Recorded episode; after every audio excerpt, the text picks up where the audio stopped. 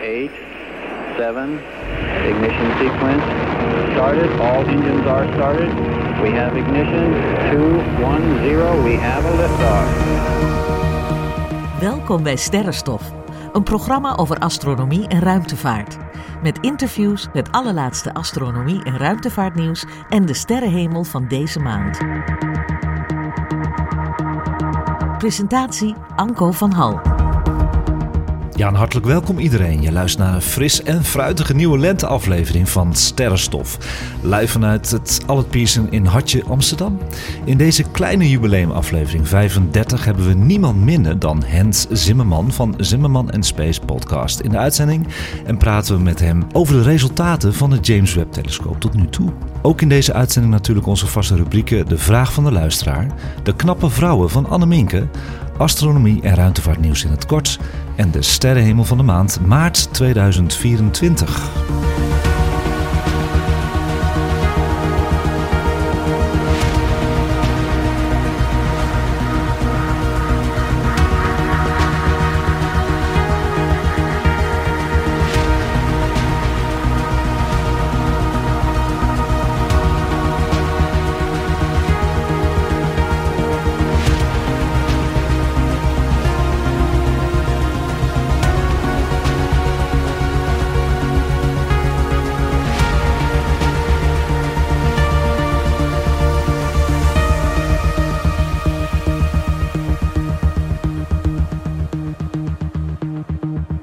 Nou, welkom iedereen aan tafel. We zijn er weer. De derde keer door weer en wind. Ja, het is echt vreselijk. Het is vreselijk. Eh, Voor de luisteraars die ernaar vroegen afgelopen maand. eh, Met Abe gaat het goed hoor. En is nog steeds aan het rondtrekken in Zuid-Amerika. Hij zit momenteel in Cali, Colombia. Om heel goed te leren dansen, zegt hij. Ik weet geen eens of ik dit mag zeggen. Maar het zou wel leuk zijn als ik hem zie dansen zo meteen weer. Ik, ik denk dat hij al goed kan dansen. Dat denk ik dus ook. Ja. Maar nog beter dus.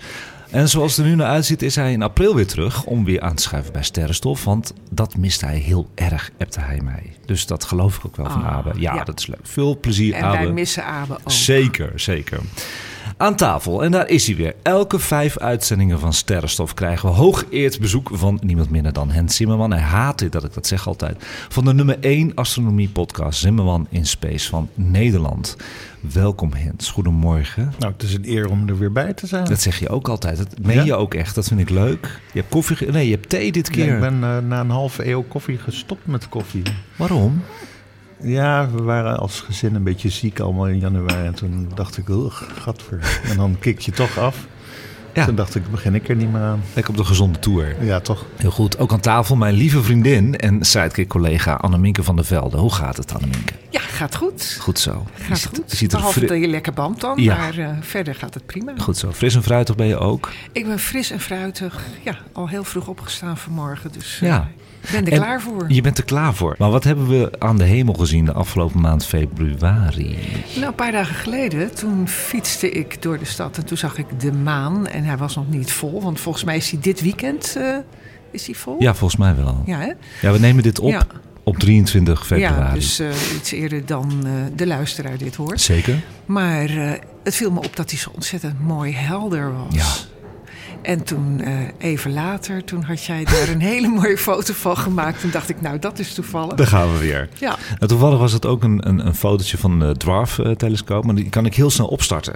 Dit keer had hij een goede filter opgezet automatisch. Dat je de maanzee heel goed kon zien. Toen dachten we, oh ja, dat is waar ook. Die maanzee wist ik vroeger, toen ik nog heel jong was en bij de JWG zat, uit mijn hoofd. Van eh, de maan, de meeste, de grote, dat wist ik helemaal niet meer. Dus ben ik gaan opzoeken. Ben ik een Insta-story gaan maken met de maanzee die je kon zien. Vond ik wel heel leuk. ja heel leuk. Mooie Latijnse namen ook. Hè? Als mensen dat willen zien trouwens, kun je even naar de februari-knop op Instagram. Hens, wat heb jij gezien? Nou, ik wou ook net zeggen de maan. En, Ja. eh, ik hou erg van de maan. Ik vind het altijd leuk als hij weer in het eerste kwartier is. Want dan begint er weer iets opnieuw of zo. Oh, zie je dat zo? Het is ook een oude jeugdherinnering dat ik een keer bij een of andere JVG-bijeenkomst was. Mhm. En eh, toen kwam ik buiten en toen stond de maan in een zo'n kleine beginnende sikkel. Mhm, Vind ik mooi. Ja, en jouw foto was inderdaad zeer indrukwekkend. Oh, ik heb hem jou ook opgestuurd. Ja, zeker, Ja, ja. ja, ik spam Hens ook op WhatsApp. Nou ja, het was een zware wintermaand weer. Hè, met veel bewolking, wind en regen helaas. Maar ik eh, adviseer jullie allemaal om toch naar boven te blijven kijken. Want door de wolken heen heb ik die maanfoto gemaakt. Hè, dus je kunt dat gewoon blijven doen. Altijd even kijken. Over sterrenfoto's gesproken. Ja? Ik ontmoette de vorige keer dat ik hier was Lars Verhoef. Ja. En eh, Lars Onze heeft een- sidekick, ja. ja, die heeft een heel mooi artikel geschreven voor de Universum, het kindertijdschrift voor eh sterrenmensen. Zo leuk. Van 8 tot 18. En dat staat nu in de nieuwste aflevering met foto's. Hele mooie foto's die hij gemaakt heeft. Ja, hij doet het goed hè. Ja, Ik ben heel trots op Lars. want ik zit in de redactie van dat tijdschrift. En ik Ja. heb hem net ingevouwen met collega's. En, eh, ja. Oh, dan mag je hem ook opsturen naar mij. Maar ik moet Ik heb eigenlijk wel eentje extra. Ja. Ik Oh, wat goed. En hoe kunnen mensen aan het universum komen? Eh, sterrenkunde.nl, daar vind je het. Dan kun je een proefexemplaar aanvragen. Ja? Als je kinderen hebt, ongeveer tussen de 8 en 18, die interesse hebben in de sterren, dan is het een leuke club om je bij aan te sluiten. Een goede tip, hè? Elke keer als je komt, mag jij je eigen onderwerp mag je Ja. dan uitzoeken. We zijn nu een James Webb ruimtetelescoop rijker. En ik denk dat er mensen zijn die zich afvragen van wat heb je daar nou aan? We hadden toch al de Hubble. En dan nou hebben we voor 10 miljard weer zo'n ding de lucht in gehezen. Mhm. Maar wat mooi is, als je kijkt naar wat de James Webb ruimtetelescoop mogelijk heeft gemaakt, dan zien we nu dingen over het, over het prille heelal die we eigenlijk nog niet wisten. Die ook voor nieuwe vragen zorgen. Ja. Want er is bijvoorbeeld een eh, klein sterrenstelseltje, dat heet GNZ11, een hele poëtische naam. Ja. Dat was al ontdekt met de Hubble-telescoop. Maar door daar met de James Webb-telescoop naar te kijken, weten we nu dat er een gigantisch zwart gat in zit.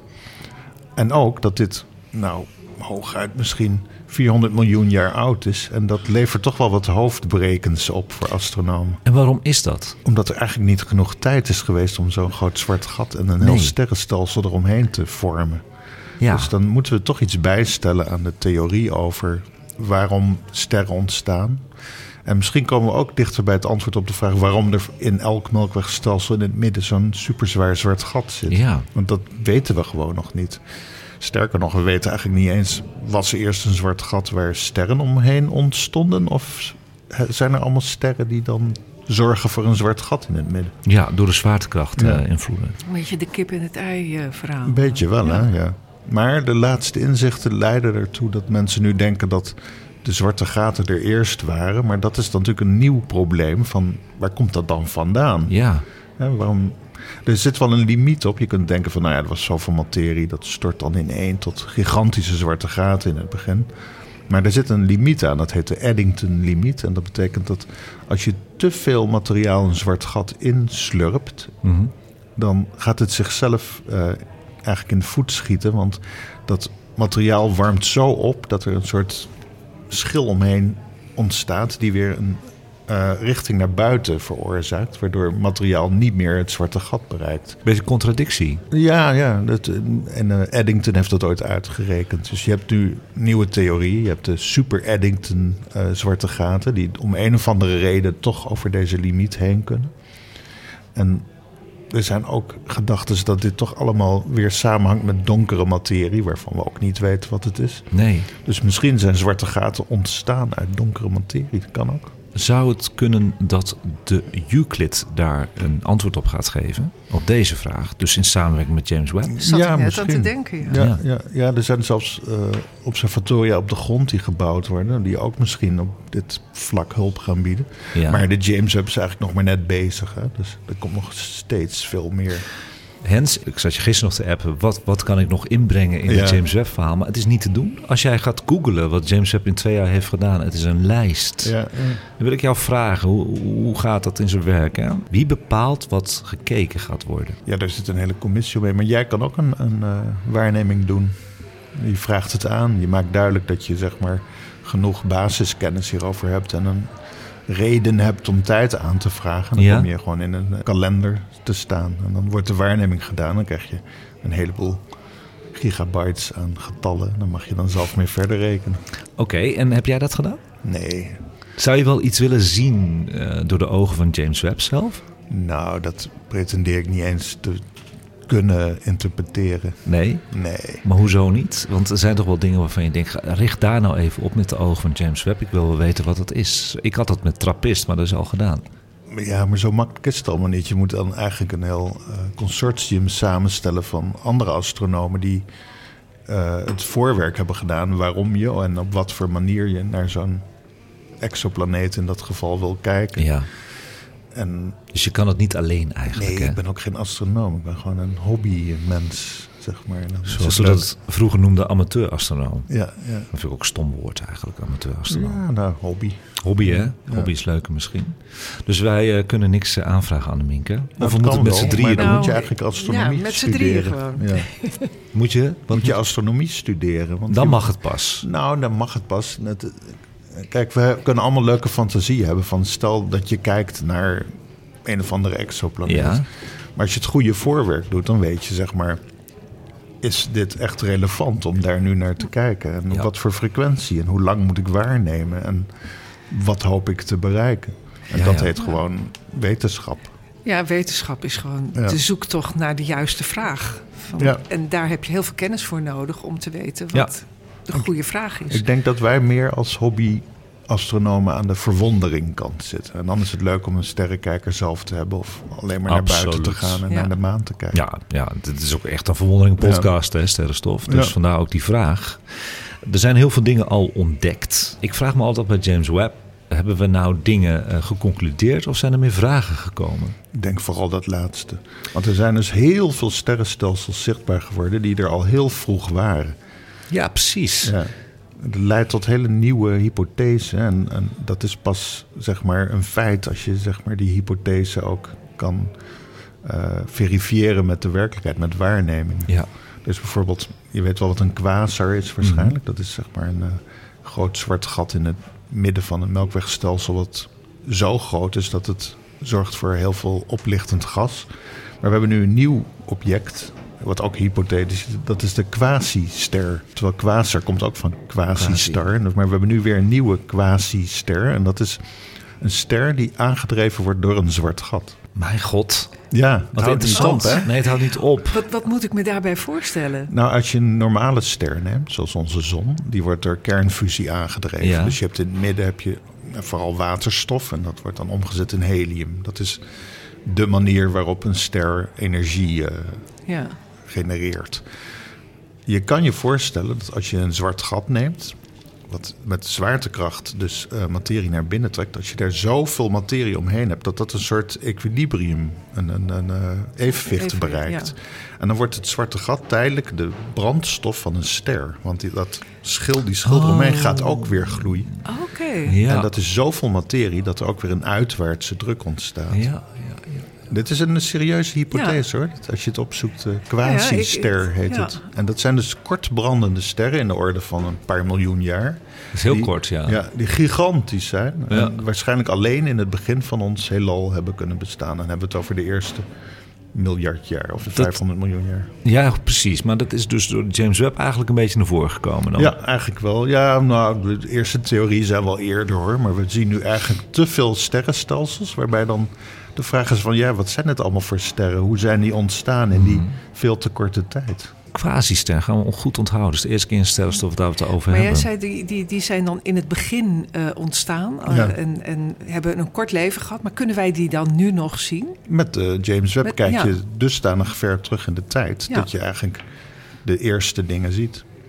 En we hebben nog een nieuwe theorie, dat heet de Direct Collapse Black Hole. Dat is een zwart gat wat ontstaat niet door een ster die in elkaar is gestort... maar door gas of donkere materie. Jij mag het zeggen. Het zijn allemaal theorieën die, die dus zeg maar aan eh, kwaliteit winnen... door waarnemingen met de James Ja, Webb-telescoop. precies. Ja. Dus wie weet zit het allemaal heel anders in elkaar dan we altijd dachten. Wat denk jij eh, dat hier antwoorden op komen binnen vijf jaar of nooit? Ik denk dat we binnen vijf jaar veel meer weten. Ja. Ik las ook dat we eigenlijk iets te ver terug in de tijd kunnen kijken dan het heelal oud is met James Webb. Hoe zit dat in elkaar? Wat is dat voor rare theorie? Ja, die, eh, dat stuurde een eh, luisteraar mij ook al. Ik, Ja.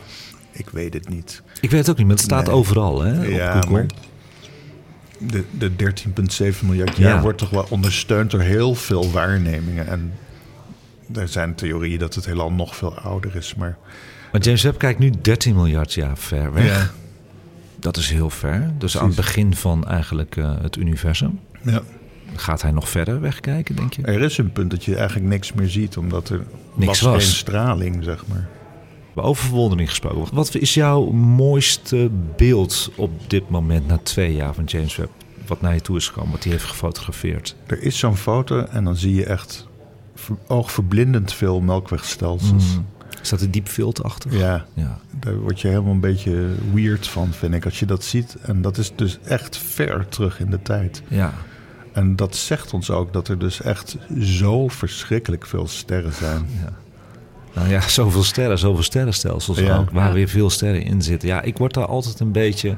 Ik vind het niet eng. Er zijn ook mensen die het heel eng vinden, dat alles zo groot is. Ik vind het heel mooi. En dan kun je een beetje met je vinger kun je weer alles inzoomen. Dan zie je er Ja. nog meer. Ja, het is Ja. belachelijk. Dat vind jij een mooie foto. Wat nog meer? Een beetje zo'n vage foto waar dan dat GNZ11 melkwegstelseltje op staat, vind ik ook heel bijzonder. Want dat is eigenlijk het oudste zwarte gat wat ooit is waargenomen. Ja. Ja, hij heeft ook voor het eerst de James Webb, ik zeg hij, maar het kan ook een zij zijn, dat maakt natuurlijk niet uit, een, een beeld gemaakt, een echte foto van een exoplaneet. Was hij de eerste in, hè? James Ja. Webb. En jij, Anne Minke, wat vind jij mooie foto's van James Webb? Wat is Nou ja, volgens mij staat er eentje op de kalender van die pilaren. Pillars of Creation? Ja, Ja. die staat op de kalender van Ja. Sterrenstof. Ja, dat vind ik ook een van de mooiste. Vind ik echt zo prachtig Ja. en, en, en fascinerend ook. Ik denk van jeetje, dat, dat is er allemaal. Ja, en de Hubble heeft daar al een hele mooie foto van gemaakt. Wat de James Webb heeft gedaan, eigenlijk moet je ze naast elkaar zien. Hè? Die Ja. Hubble en, de Ja- en dan zie je wat de James Webb doet. Die gaat er gewoon dwars door de wolken heen. doorheen. hè, ja. En zoveel sterren meer. Ja, Infrarood. eh, Ja, telescoop. prachtig, Mooi prachtig. Van luisteraars wil ik heel graag weten wat jullie mooiste foto is van James Webb. Dan gaan we dat gewoon delen op Instagram, vind ik wel leuk. Ik vind eh, een hele mooie foto. ehm, ja, dat vind ik gewoon mooi van Titan. Heeft Ja, ja, bijzonder hè? Bijzondere foto. Titan is een maandje van Saturnus, eh, waar gewoon ook atmosfeer is, maar dan andere samenstelling. En continenten en eh, rivieren in andere samenstelling. Maar die heeft gewoon. Ja, de James Webb heeft gewoon heel mooi de atmosfeer eh, gefotografeerd in kleuren. En ook de continenten kunnen zien, maar ook de wolken op Titan kunnen bekijken. Ja, dat zijn toch prachtige foto's. Ja, waarom zou je hem niet lokaal gebruiken in ons zonnestelsel? Hè? Ja, dat toch? is toch grappig. Ja, dus en ook de mooie ringen van Jupiter en van Saturnus. En natuurlijk van Neptunus en Uranus heeft hij lekker zitten fotograferen. Dus ja, dat zijn mooie tastbare dingen eigenlijk van James Webb. Ja, het gaat maar door met James Webb. Wat denk je wat de toekomst brengt? Kunnen wij met James Webb, dat is natuurlijk een aloude vraag... en de vraag van veel luisteraars, ook van jouw luisteraars denk ik... kunnen wij met James Webb leven gaan ontdekken? De mensen van SETI zeggen dat we er wel heel dicht tegenaan zitten. Ja, SETI, wat is SETI? Kun je dat uitleggen? De Search for Extraterrestrial Intelligence. Ja. Dus dat is echt de, de wetenschappelijke zoektocht naar buitenaards leven. Ja. Ja, kijk, als het er is dan, en het ligt binnen onze bereik, dan zijn we nu wel dichter bij een instrument gekomen wat dat kan aantonen. Maar de vraag is inderdaad of er leven is wat wij op die manier kunnen zien. Ja, Ik en denk wat voor zelf- leven? ja. Het kunnen ook bacteriën zijn. Ik denk zelf dat we dat wel mee gaan maken, maar dat het heel teleurstellend gaat zijn. Ja, dat, waarom Ja. is dat, Hens? Dat heb je wel eens eerder geloof ik in mijn uitzending. Ja, wat wat, ja, wat is nou, teleurstellend aan leven ontdekken voor jou? Nou, mensen willen natuurlijk dan foto's zien van hoe ziet dat eruit. Ja. Hè? En kunnen we daarmee communiceren. Ja, Maar ja, kijk, je kan buitenaards leven op twee manieren ontdekken. Je hebt natuurlijk aan de ene kant hyperintelligent, technologisch geavanceerd leven, wat je ontdekt door hun radio-uitzendingen. Kijk, als we een soort morsebericht ontvangen, wat gegarandeerd van ver komt, dan kun je bijna niet omheen dat het een intelligentie is.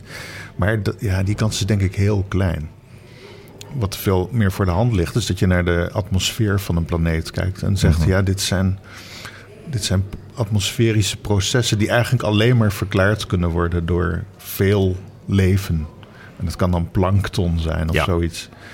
Maar dan denkt de aardbewoner van ja, ik zie het niet. Het is een, alleen maar zeg maar een bewering. ja en een schema. Ja, en het is, weet ik veel, 14 eh, 100 lichtjaar van ons verwijderd. Ja. Dus we gaan er nooit naartoe. Goed, dus als dat nieuws komt, even praktisch. Ja. eh, en het wordt op het journaal gezegd in Nederland. Ja, we hebben leven gevonden. En het schemaatje komt van de James Webb. Van dit Ja. zijn de samenstelling van de atmosfeer. Piekje in een grafiek. Ja, dan zullen denk ik alleen de nerds zoals wij... en misschien ook mijn sidekickjes, want die zijn ook mijn nerds geworden... zullen allemaal juichen. En de wetenschappers. En de rest van de wereld niet, denk je? Ik denk dat een heel, heel groot deel gaat het ontkennen. Ja, dan krijg je dat natuurlijk Ja, ook. Het is weer een conspiracy Oh ja, of zo. ja, Of ja. Het is verzonnen om eh, Dus, geld te krijgen. Ja, ja, ja, ja. ja. Ja, en, een, en een deel zal ook gewoon eh, teleurgesteld zijn eh, dat het geen marsmannetjes zijn. Ja, precies. Want iedereen Of heeft natuurlijk toch wel een soort beeld van eh, wezentjes met eh, sprietjes. En, eh, Ja, dat willen ze zien. Maar ook weer niet, hè. Mensen zijn ook heel bang voor buitenaards leven. ja, aan de ene kant is het natuurlijk heel spannend eh, als je opeens zo'n wezentje tegenkomt. Maar aan de andere kant weet je ook niet wat je ervan kunt verwachten dan. Dat is waar. Ik denk niet dat we die tegenkomen. Er is zelfs een theorie niet, dat echt intelligente buitenaardse wezens... die kijken naar de aarde en die denken... nee, nee, nee daar moeten we geen Ja, hou contact zich mee hebben. stil. Ga ik mijn handen Groot niet aan branden. ervoor. Ja. Ik, ik zou niet verbaasd zijn als ze dat denken, inderdaad. Ja. Het kan Nee. natuurlijk ook zijn hoor dat ze ons al lang ontdekt hebben, dat ze ons met rust laten. Dat kan, want er zijn zoveel sterren natuurlijk ook. Maar goed, er zijn gewoon echt wel super aardes ontdekt al door Ja. de James Webb. Maar ja, de mensheid wil een foto. De mensheid wil gewoon harde bewijzen. Dankjewel, Hens. Dat zijn hele interessante dingen. Kunnen we even lekker gaan laten bezinken. Want dat zijn nogal wat dingen die je hebt gezegd die ik ook niet wist. Eh, heb je nou vragen over de dingen die Hens heeft gezegd? Kun je me altijd even mailen via sterrenstofnieuws.gmail.com. En Hens antwoordt heel graag je vragen. Ja hoor, geen probleem. En dan gaan we nu naar de vraag van de luisteraar. En die is ingesproken door David de Roo. En de vraag komt ook van zijn zoon Len. Beste Anko en het Sterrenstofteam. Allereerst wil ik jullie bedanken voor de geweldige boekentip die jullie gaven tijdens de oktoberuitzending. Onze zoon Len is in januari 6 geworden en kreeg het dikke boek van ons bijzondere heelal als cadeau. Hij is er heel enthousiast over. In het boek lazen we over planetaire nevels, waarin wordt beschreven dat sommige sterren aan het einde van hun leven hun atmosfeer afstoten en dat de kern van de ster energie in de afgeworpen atmosfeer pompt. Len stelde daarop de vraag: wat gebeurt er dan met die energie? Wordt deze gebruikt voor nieuwe sterren? We zijn benieuwd naar jullie antwoord op deze vraag. Alvast bedankt en heel veel succes met de uitzending. Nou, ik, eh, David, ik vind dat je zo'n Len een heel intelligente vraag heeft gesteld. En eh, ik wist daar zelf geen antwoord op. Maar ik heb natuurlijk altijd weer steun van mijn hoofdgast. Maar ik heb het ook een beetje uitgezocht. Dus hij vraagt eigenlijk, of jullie tweeën, hè, bij planetaire nevels stoten sommige sterren aan het einde van hun leven hun atmosfeer af. De kern van de ster pompt energie in de afgeworpen atmosfeer. Wat gebeurt er met deze energie? Wordt deze gebruikt bijvoorbeeld voor nieuwe sterren? Nou, Hens, weet jij hier iets van? Of zal ik gewoon mijn verhaal voorlezen? Nou, je kan er wel wat over zeggen, want Ja. eh, eigenlijk is het heelal een groot verrijkingsproces. Hè? Het begon met al, bijna alleen maar waterstof. En doordat dit soort sterren aan het eind van hun leven eh, ja, vergaan, Mhm. ontstaan er nieuwe elementen. Dat is een van de dingen die gebeuren. Dus je- zo'n planetaire nevel is een verrijking van de lokale omgeving. Zeker, ja. En als dat soort stof in de tijd die het heelal heeft, zeg maar, dus in miljoenen jaren, terechtkomt in andere sterrennevels, misschien door de uitwaartse kracht van zo'n planetaire nevel, Ja? dan kan dit weer leiden tot nieuwe sterren die geboren worden met een rijkere samenstelling. Dus met meer metalen erin, zoals astronomen dat noemen. Dus gewoon een perfecte recycling eigenlijk in het Ja, universum. ja, ja. Nou, sterker nog, zeg maar, zo'n theelepeltje wat hier voor me ligt, dat bestaat eigenlijk uit metalen die alleen maar zijn ontstaan door verrijking van het heelal, door vergaande sterren. Ja. Stardust. Ja. Dus. En een ander ding is, als een ster vergaat, Dan ontstaat er dus een, eh, in sommige gevallen, in heel veel gevallen ontstaat er een, een soort rimpel in de ruimtetijd die naar buiten reist. En er zijn theorieën dat alleen dat soort rimpels en, en schokgolven die door het heelal reizen, leiden tot stervorming. Want als je een, een stilstaande gaswolk hebt, die heeft niet zo heel erg de neiging om te verdichten. En het kan best zijn dat er dus van buitenaf een druk nodig is om dat te gaan laten ronddraaien. Ja, en dan ja. gaat het steeds dichter worden. Door de bewegingen, ja, ja, ja. Dat is interessant zeg. Ja, dus in die zin leidt die energie zeker tot stervorming. Dus uh, mooi antwoord, denk ik, ook voor David. Trouwens, uh, een mooi voorbeeld van een planetaire nevel. En die heb je gewoon in huis, Anneminke. En jij ook, Hens, trouwens. Is uh, de ringnevel, de M57. Ja, en staat, hier. Ja, ja. leuk. En Heb staat je die alles opgezocht met je telescoop? nog niet, maar die schijnt Die is heel goed te doen, Die is goed te doen. Ja. En, en met kleuren. Arenda weet dat. Volgens mij Arenda wel. Arenda is er ook van Ganymedes. Voor een, hallo, als publiek. Maar als je zelf in je achtertuin naar M57 kijkt, zie je geen kleuren. Nee, je moet hem fotografisch naar voren halen, hè? Dan Ja. is het gewoon een grijs ringetje. Maar het is gewoon leuk om aan mensen te laten zien, omdat het echt een ringetje is. Ja, het is echt leuk om te zien. Ja.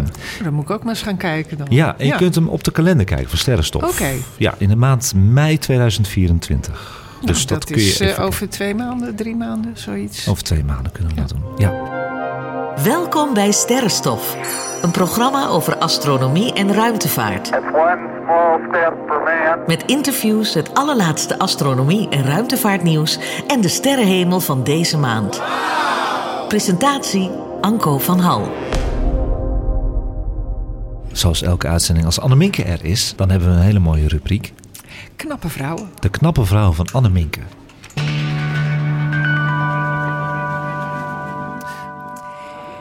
En de knappe vrouw van vandaag heet Henriette Swan Leavitt. Het is een hele bijzondere vrouw. Ze werd in 1868 geboren in Lancaster, Massachusetts, in de Verenigde Staten. En ze was dochter van een dominee. Ze was ook diep gelovig, haar leven lang. Zij kreeg de kans om aan Harvard te studeren op de speciale vrouwenfaculteit, de Society for the Collegiate Instruction of Women. Later heette dat het Radcliffe College. En dat eh, ja, was eigenlijk een selecte groep vrouwen die daar eh, op toegelaten werden. Zij was daar één van. Ze had eh, aanvankelijk een heel breed curriculum. Eh, Grieks, Latijn, kunst, filosofie, analytische meetkunde, rekenkunde, nou ja, van alles. Doe maar. Maar pas in haar vierde jaar volgde ze een collegereeks over astronomie. En daar werd ze zo doorgegrepen dat ze zich aanmeldde als vrijwilliger bij het Harvard Observatorium. En daar werd ze assistent eh, en eh, een van de vrouwelijke computers. Ja, dat, Ja, die term die kennen we, want die hebben we al eerder gehoord bij Catherine Johnson, die ook als computer werd aangenomen bij de NASA. Ja. Nou ja, dat waren dus gewoon eh, rekenwonders. En daar werden vaak vrouwen voor gebruikt. Dat is gewoon ja, het eh, grote werk, het uh, Maar massawerk. toch vind ik dat nog een bijzonder verhaal. Want dat heb ik de vorige keer ook een beetje ben Ja. ingebroken. Maar wa- waarom was dat vroeger zo? Waarom waren vrouwen daar dan voor? Vrouwelijke computers. Konden mannen dat niet? Ik denk dat mannen dat wel konden, maar dat ze dat niet interessant genoeg vonden. Nou, er is nog een historische reden voor. Want eh, het was vaak in oorlogstijd dat ballistische banen en zo moesten worden uitgerekend. Ah ja. En de mannen waren allemaal aan het front. Ja. Oh ja, dat Ah, had ja. je natuurlijk ook nog. Ja. Ja. Maar zij werd daar eh, in het observatorium eh, computer. Dat deed ze onbetaald. Mhm. Eh, haar familie die steunde haar financieel. Maar in 1898 trad ze wel toe tot de staf van Harvard en kreeg ze eindelijk een salaris 30 cent per uur. Nou ja, dat is eh, iets van 6 dollar zou dat nu zijn, geloof ik. En dat was 10,50 dollar per week. Ook niet echt heel erg eh overbetaald. Ook voor die tijd was het ook niks eigenlijk. Nee, maar goed, eh, zij was een harde werker. En in, eh, de directeur van het observatorium was eh, Edward Charles Pickering. En die gaf haar eh, in 1902 de opdracht om de helderheid van de sterren te meten. En te rubriceren aan de hand van fotoplaten. En fotoplaten, dat waren gewoon glazen platen met een zilveremulsie eroverheen. En dat was de voorganger eigenlijk van de celluloidfilm. Oké. En Harvard had een groot observatorium ook in Arequipa in Peru. Nou, misschien is Abe daar nog wel geweest. Ja, Abe. Die eh, platen die, eh, die mochten, ze dan, eh, mochten ze dan gaan interpreteren. Daar mochten ze de sterren op gaan zoeken en rubriceren. Want vrouwen mochten in die tijd geen telescoop bedienen. Dus zij mocht niet door de telescoop kijken, maar zij moest haar berekeningen uitvoeren aan de hand van die fotoplaten. Vrouwen mochten niet aan een telescoop zitten. Nee.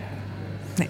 En haar opdracht was om de variaties in de helderheid van variabele sterren in de grote en kleine Magellaanse wolken te bestuderen. Die variaties in helderheid die ontstonden niet door oorzaken van buitenaf, zoals bijvoorbeeld de dampkring, maar door de ster zelf.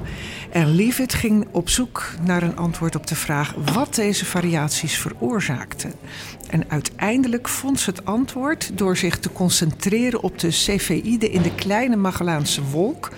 Want deze sterren staan allemaal precies even ver van de aarde, waardoor ze in één klap de variaties van tijd en, ruim, eh, en afstand eh, kon wegstrepen. Oh ja, ja, ja. Dus kon ze ze heel goed met elkaar vergelijken. Ja. En ze vergeleek het licht van 25 van zulke sterren met elkaar.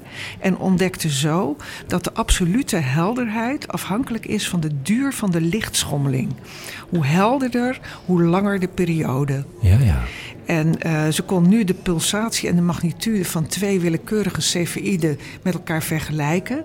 En daardoor werd het uiteindelijk mogelijk om hun relatieve afstand tot de aarde te vergelijken. Dat heeft zij allemaal bedacht. Dat heeft zij ontdekt. En eh, ja, dat was dus echt een, een wetenschappelijke doorbraak.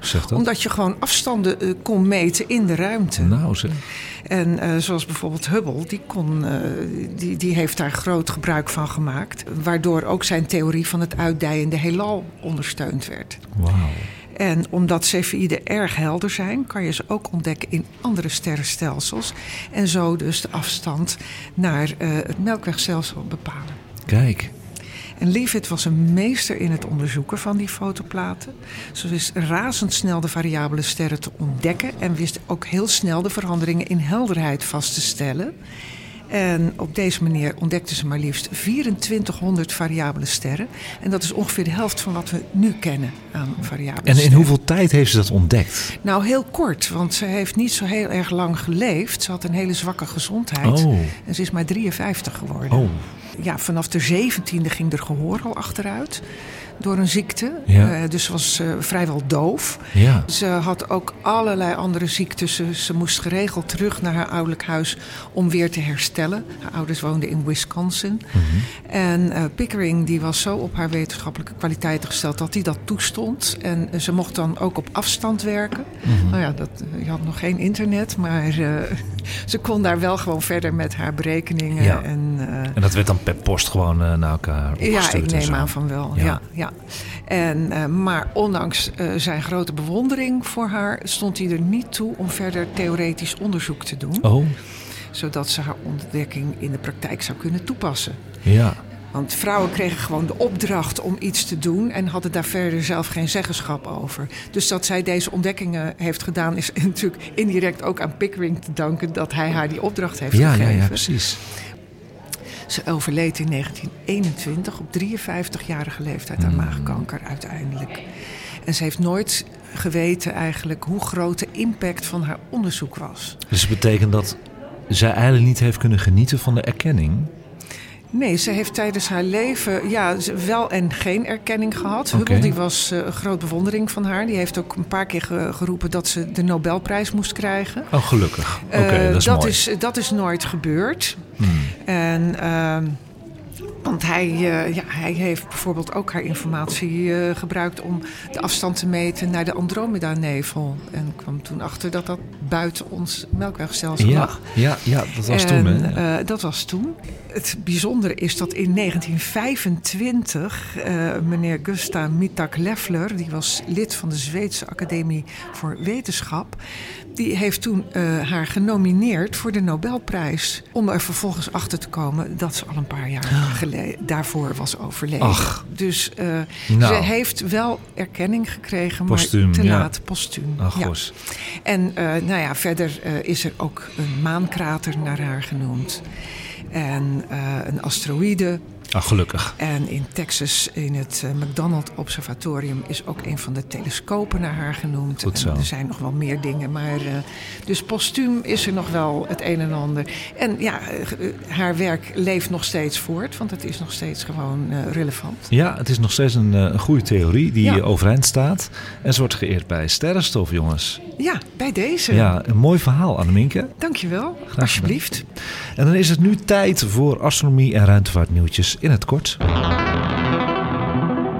En we kunnen er niet omheen. Hens en Anneminke en Arenda en iedereen aan tafel. Dan hebben we ook de techniek Nora, Wout en Erik. We hebben de maanlanding gekeken gisteren. Tenminste, ik ben een paar keer in slaap gevallen. Maar ik ging net op tijd, werd ik wakker op de bank. ehm, en heb ik de landing mee mogen maken. Het was nog best wel spannend, maar het is gelukt.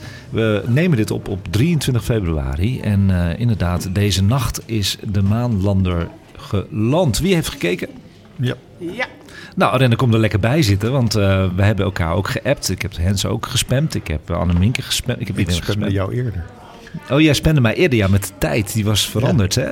Ja.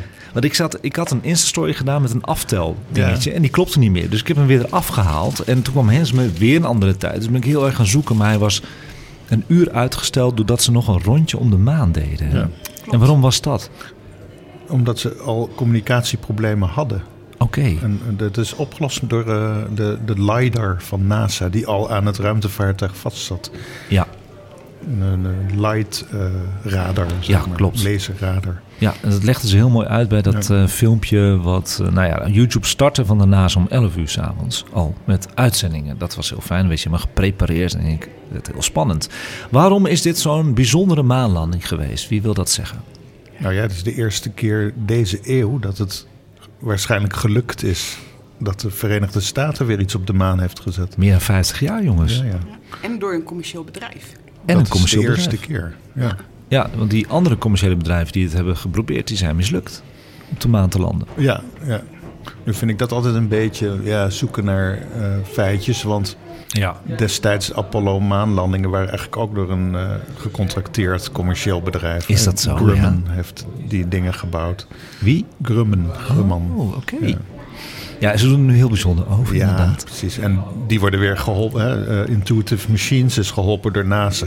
Dus het is net als vroeger. Het is gewoon één grote werkgelegenheids... eh, Ja. Nou, als het werkt, why not? Hè? En Ja, Space? SpaceX heeft ook meegeholpen.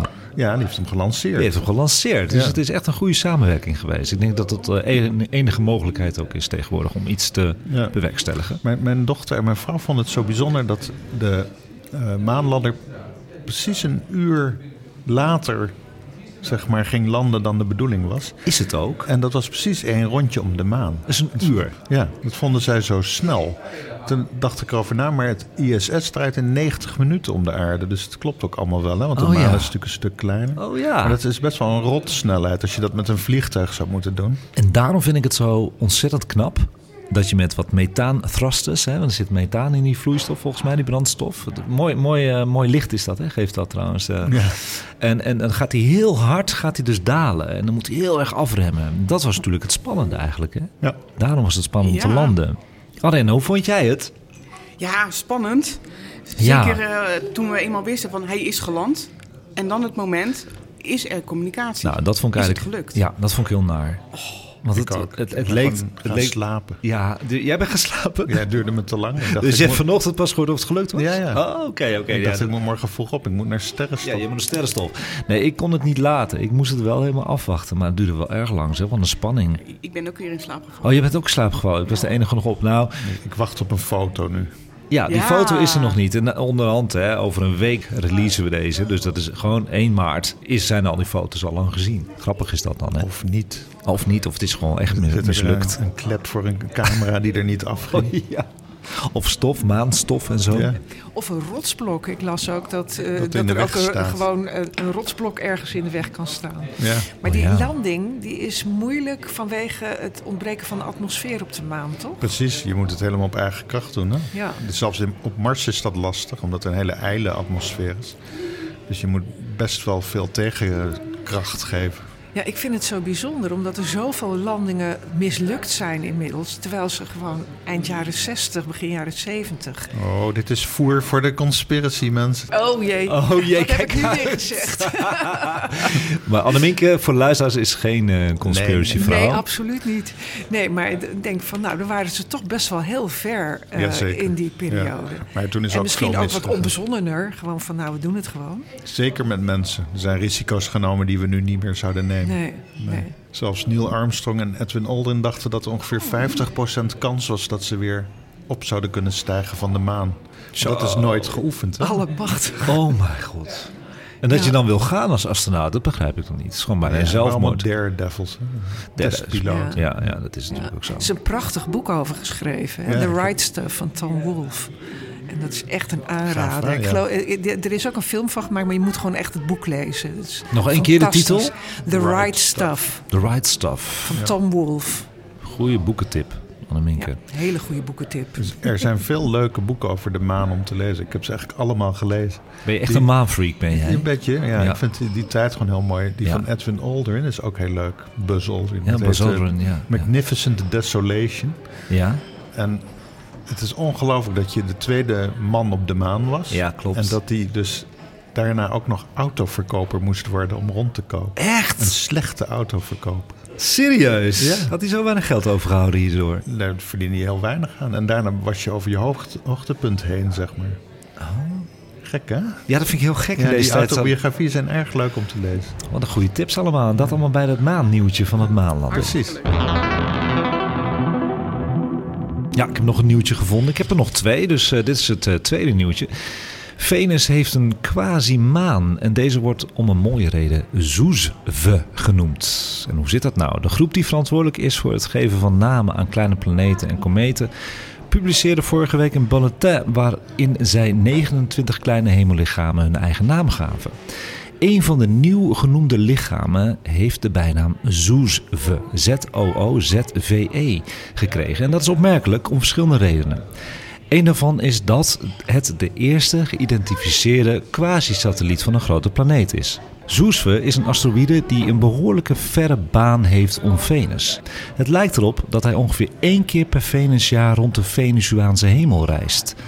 En als je niet wist dat VE68 echt rond de zon reist, zou je kunnen zeggen dat Venus een eigen maan of satelliet heeft. En je zou denken, hè, VE68, ja. Er zijn namelijk verschillende namen en ID-codes aan de asteroïde toegewezen, al dan niet voorlopig, waaronder 2002 VE68 en de zeer gedenkwaardige 524 522 en nu dus de Zoezve. Maar waarom heet die minimaan van Venus nu dan Zoesve? Daar ging het om. Het trok de aandacht van een kunstenaar genaamd Alex Foster, die het tekende op een poster van het zonnestelsel dat hij voor kinderen ontwierp en het afbeeldde als een maan van Venus. Hij interpreteerde ook de naam van de asteroïde verkeerd en veranderde 2002 VE in Zoesve. En dan laat ik de print zien, dan weet je precies wat ik bedoel. Dit heeft hij getekend. En Zoesve is gewoon 2002 VE. Oh, wat grappig. Ja. Ik denk dat ik een nieuw wachtwoord heb voor al mijn accounts. Dan weten we het ook weer. hè? Simon heeft Zoezwe. We gaan naar de landelijke sterrenkijkdagen. Ben je er wel eens geweest? Heel vroeger, volgens mij 78 of 79, dat was de eerste. Ja, dat klopt. 48 jaar bestaat het nu. Ja. Wat kun je doen tijdens de landelijke sterrenkijkdagen? Dat is in het weekend van 15 op 17 maart, dus 15, 17 maart. Dan kun je op tientallen plekken in Nederland door een telescoop sterren kijken. En ik heb Arenda hier. Doen jullie mee met de landelijke sterrenkijkdagen bij Ganymedes? Ganymedes is gewoon open. Die is gewoon open. Ja, maar de, de sterrenwacht in Overveen, Copernicus, die is die dagen ook open. En op zaterdagavond ben ik daar ook vrijwilliger. En dan gaan jullie iets vertellen over sterrenkunde. En jullie doen die telescopen ook open. En dan kunnen ze gewoon meekijken. Hè? Jazeker. En we maken inderdaad een hele leuke presentatie speciaal voor die avond. Hoe leuk is dat? Eh. Nog een keer de naam van de sterrenwacht. Sterrenwacht Copernicus in, In- Overveen. Overveen, allemaal daar naartoe. Oh, niet allemaal, want het wordt wel heel druk. Je zal wel van tevoren inderdaad je moeten aanmelden. Omdat het anders heel druk wordt. Ja, nou je kan op veel plaatsen via de KNVWS die dit organiseert waarneemstrippenkaarten krijgen. Daar staan leuke sterrenkundige zaken op en kun je bijhouden wat je al gezien hebt of waaraan je hebt meegedaan. Nou, wordt het nou wel helder? Hè? Dat is altijd natuurlijk het punt tijdens de Sterrenkijkdagen. De KNVWS-meteoroloog Jacob Kuiper stelt voor de Sterrenkijkdagen een korte weersverwachting op. Houd de homepage van knvws.nl in de gaten voor de actuele weerinformatie en voor alle locaties die meedoen. Lekkere nieuwtjes allemaal, gezellig ook en afwisselend. Er was ook eh, wat ander nieuws op onze socials, zoals Instagram. Bijvoorbeeld, eh, we hebben het net over de James Webb gehad. De Webb-telescoop doet onverwachte vondst aan het rand van ons zonnestelsel. Eigenlijk ontdekt hij elke week wel wat. Wat is het wat de James Webb nu heeft gevonden aan de rand van ons zonnestelsel? Oftewel de Kuiperbelt. Dat kun je nu vinden onder de Oranje Februari 2024 knop op Sterrenstofnieuws Instagram. En dan gaan we nu naar de sterrenhemel van de maand, maart 2024. Hebben we daar een beetje zin in? Ja, daar hebben we zin in. Ook al is het bewolkt, kan het schelen. We gaan het gewoon proberen. In maart is het niet bewolkt. Nee, het wordt een hele heldere het wordt maand. een hele heldere maand. Ja, zeker wel.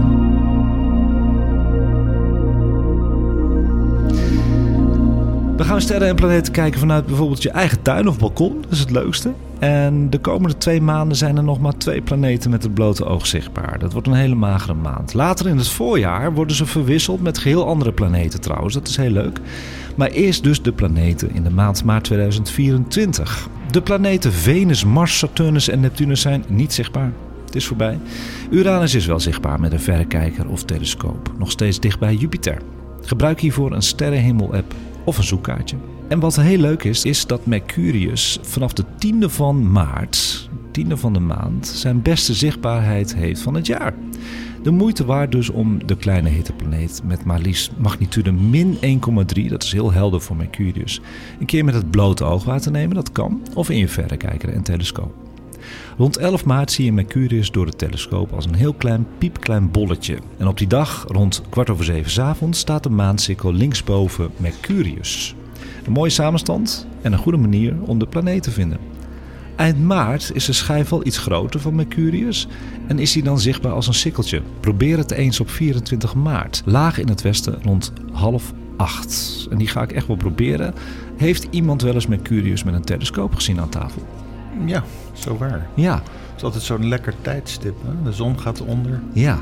en dan zit je nog een beetje in je energie. En eh, ik heb Mercurius een keer midden in beeld gehad. ja. Ja, ik ook. Ik heb het ook wel eens. En jij, Arenda? Nog Nee, nooit? niet. Voor jou een uitdaging in maart, denk ik misschien. Dat is een mooie uitdaging, ja. Ja, dat, hij ziet er heel goed uit eh, deze maand. Ik heb hem ook een keer gezien als sikkeltje. Ja, En dan is hij te groot genoeg om die sikkel te zien. Maar als, Zeker. als bolletje is het eigenlijk niet zo interessant. ik heb hem ook alleen maar als sikkeltje toen gezien. Dat is heel leuk. Eind maart, dus op 24 maart kunnen we kijken. Jupiter is nog prima te zien aan de avondhemel.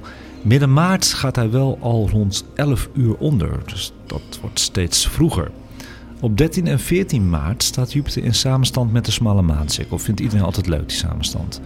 Uranus staat er dan ook heel dichtbij, maar gebruik voor Uranus dus weer een verrekijker. Wat valt er nog meer te zien aan de hemel van maart?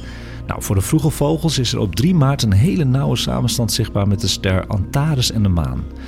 Let ook even op de kleur van de ster. Deze is in vergelijking met de andere sterren omheen niet wit, maar oranje. Dan is het ook een heel leuk kometenjaar dit jaar eigenlijk. Want eh, 2024 kenmerkt zich vooral als eh kometenjaar van vijf kometen. En de eerste die je dan eh, misschien kunt zoeken in maart al met een verrekijker of telescoop is de komeet Pan-STARRS. Die midden maart een helderheid, oftewel een magnitude gaat krijgen van rond de 7. Dat is niet, eh, of tenminste heel moeilijk te zien met het blote oog, of eigenlijk niet, maar wel een mooi astrofotografisch object. Ga jij wel eens kometen fotograferen, Arenda? ja. Ik heb er al een paar vastgelegd. Ja. We gaan een goede komeetjaar tegemoet. Het wordt heel spannend. Ja, wordt spannend. Zeker die richting het einde van het jaar. In oktober, hè? Ja. Ja, dat is die uh, Tushingshan, is dat, hè? Atlas. Ja. En dan hebben we later, maar die kun je nu ook al proberen te spotten in maart, de komeet Pons-Broeks. Dat is een van de duivelskomeet. En waarom heet die zo? Dat is heel kinderachtig, maar hij heeft eigenlijk twee uitwasemingen. Ja, En daardoor heeft hij een soort horentjes. horentjes, ja. Maar met heel veel fantasie. Hè? Ja, ja, ja, ik heb die foto's gezien, ja. Dat is wel leuk, ja. Maar waar kwamen die uithalen eigenlijk vandaan? Nou, waarschijnlijk is het ook gewoon één staart. Maar het is een of ander proces op die komeet die een deel tegenhoudt. En dan krijg je dus een dubbele staart. Ah ja, dat is Maar er zit ook aan vast dat kometen zijn gewoon van oorspronkelijk altijd geassocieerd met slecht nieuws. Ja, dus vandaar die duivelskomeet. Waarschijnlijk. Nou, dit is wel een komeet die we met het blote oog zouden kunnen gaan zien. Hij gaat vanuit onze streken op donkere plekken ook met het blote oog gespot worden met een magnitude van 4,2. En tijdens de totale zonsverduistering in Amerika, bijvoorbeeld in Texas, zou de komeet zomaar opeens tijdens de totaliteit tevoorschijn kunnen komen aan de hemel naast de zon. Dus dat is spannend. En ik eh, ga naar Texas, dus ik ga kijken of ik dat kan zien. Met de telescoop. Ik ga met de Dwarf-telescoop. Oh ja. Ik denk niet dat ik de komeet dan kan fotograferen. Maar je hebt nog een telescoop, toch? Ja, maar die kan ik niet meenemen naar Amerika. Die is te groot. Ja, met computerbediening. ja zeker. Ja. Dat is een hele leuke, maar die is wel een beetje nerdig. Of moet ik dat maar niet zeggen? Ja, nerdig houden we van. Ja, oké. Er is een hele mooie methode om, om een eh, komeet midden in beeld te krijgen als je een computertelescoop hebt. Want je kan hem uitrichten hè, met sterren en dan Klopt. staat hij helemaal goed. ja. Celeste stond toch? ja. Ja. Hij, hij heeft een stand en dat heet eh, eh, Precise Go To. Dan, dan kun je op een deel van de hemel kun je hem preciezer krijgen. ja. En dat is eigenlijk heel makkelijk, want dan zoekt hij voor jou een sterretje en dan zet je die precies in het midden. En dan staat hij echt heel goed afgesteld. En met het programma Stellarium Ja. kun je de kometenlijst inladen. Ja. En dan kun je per seconde zien waar die komeet staat. En dan kun je rechtsklimming, declinatie invoeren. En dan zwemt hij er naartoe, zit hij strak in het midden. Oh, fantastisch. En dan kun je Dan kun je lichtzwakke kometen vinden, want anders zoek je daar helemaal... helemaal gek. Ja, Ja. het is dan maar al een, keer, een paar keer gelukt. Dus eh, precies op die methode. Dat is hartstikke leuk. Oh, wat heerlijk zeg. Ja, en dan kun je goede foto's maken ook dan. Hè? Want je kunt hem stekken op een gegeven moment. Ik heb mijn CCD-camera verkocht. Ik heb maar een, een eh 5-inch telescoop. Oh ja, ja, ja. ja. En Arenda die, die knikt, want jij weet er alles van. Want jij werkt bij Klopt. Ganymedes. Klopt Zeker. allemaal wat Hens zegt, hè? Klopt zeker. Ja. Inderdaad, op die manier kan je dat inderdaad doen. Ja. En eh, het vastleggen gaat dan ook zeker wel, eh, wel lukken. Vaak gebruikt men dan inderdaad eh, als nabewerking verschillende manieren om of de komeet en zijn staart mooi te krijgen, of eigenlijk de beweging van de komeet door de sterren heen mooi zichtbaar Is te krijgen. mooi, En is dat ook is, mooi. allebei is het hartstikke mooi. Ja. We gaan er nog meer over praten over komeet Ponsbroeks in sterrenstof 36. En dan heb ik nog één dingetje om af te sluiten bij de sterrenhemel van de maand. En we zitten daar echt op te wachten. Wat gebeurt er nog in maart, jongens? Wat denken jullie? De winter loopt drie keer ten einde deze maand. Yes, op 1 maart. Drie keer. Drie keer. Een beetje overdreven. Ja, het is overdreven, maar wel lekker. Ja. Drie keer afscheid nemen niet rot. Sorry. Op 1 maart zeggen we al gedag tegen de winter, want dan begint de weerkundige of meteorologische lente. Dat is voor metingen makkelijker en valt over de gehele maanden maart, april en mei. Dat is de eerste. Dan op 20 maart, en dat is op mijn verjaardag, dat is gezellig. Staat ook op de kalender, dus ik kan het gewoon vertellen. Om 6 over 4 's ochtends begint de astronomische lente. Dag en nacht zijn even lang. Dan op 31 maart, dat is de derde, dan is het helemaal gedaan, want dan gaat de zomertijd in. Om 2 uur s'nachts gaat de klok 1 uur vooruit. En tot zover de sterrenhemel van de maand maart 2024. Ik hou wel van de lente hoor trouwens. Oh, mooi. Die Ja. knip ik er nog wel even bij hoor. Die zet ik erbij. Ja, dat is een mooi positief dingetje. Het huis moet eens een keer opdrogen. Nou, het is overal nat, nat, nat. Maar wat ik net hoor van Anne Mink is dat we een hele heldere droog maart krijgen. Dus het komt helemaal goed. ja, ik vind dat. Dus dat gebeurt Dat gewoon. gebeurt dan Ja. ook. We gaan ervoor. Heb je ook zo'n zin gekregen in het bewonderen van al het prachtige in ons universum? Ga dan naar Ganymedes, de telescopenwinkel van Nederland.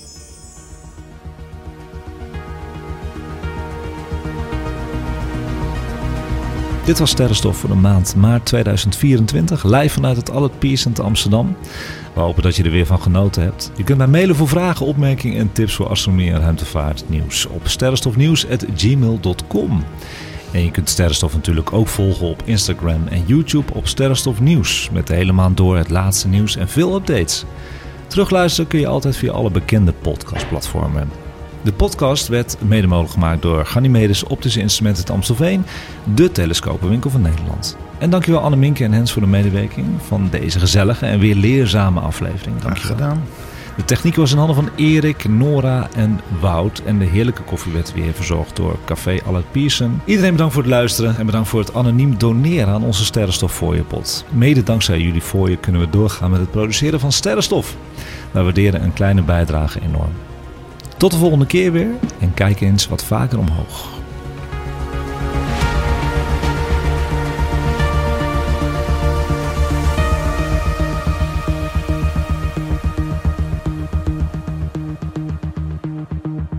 Luister je graag naar deze podcast? Laat de maker weten dat je waardeert wat hij of zij doet en geef een digitale fooi. Dat kan zonder abonnement, snel en simpel via fooiepot.com. Fooiepot met een d.com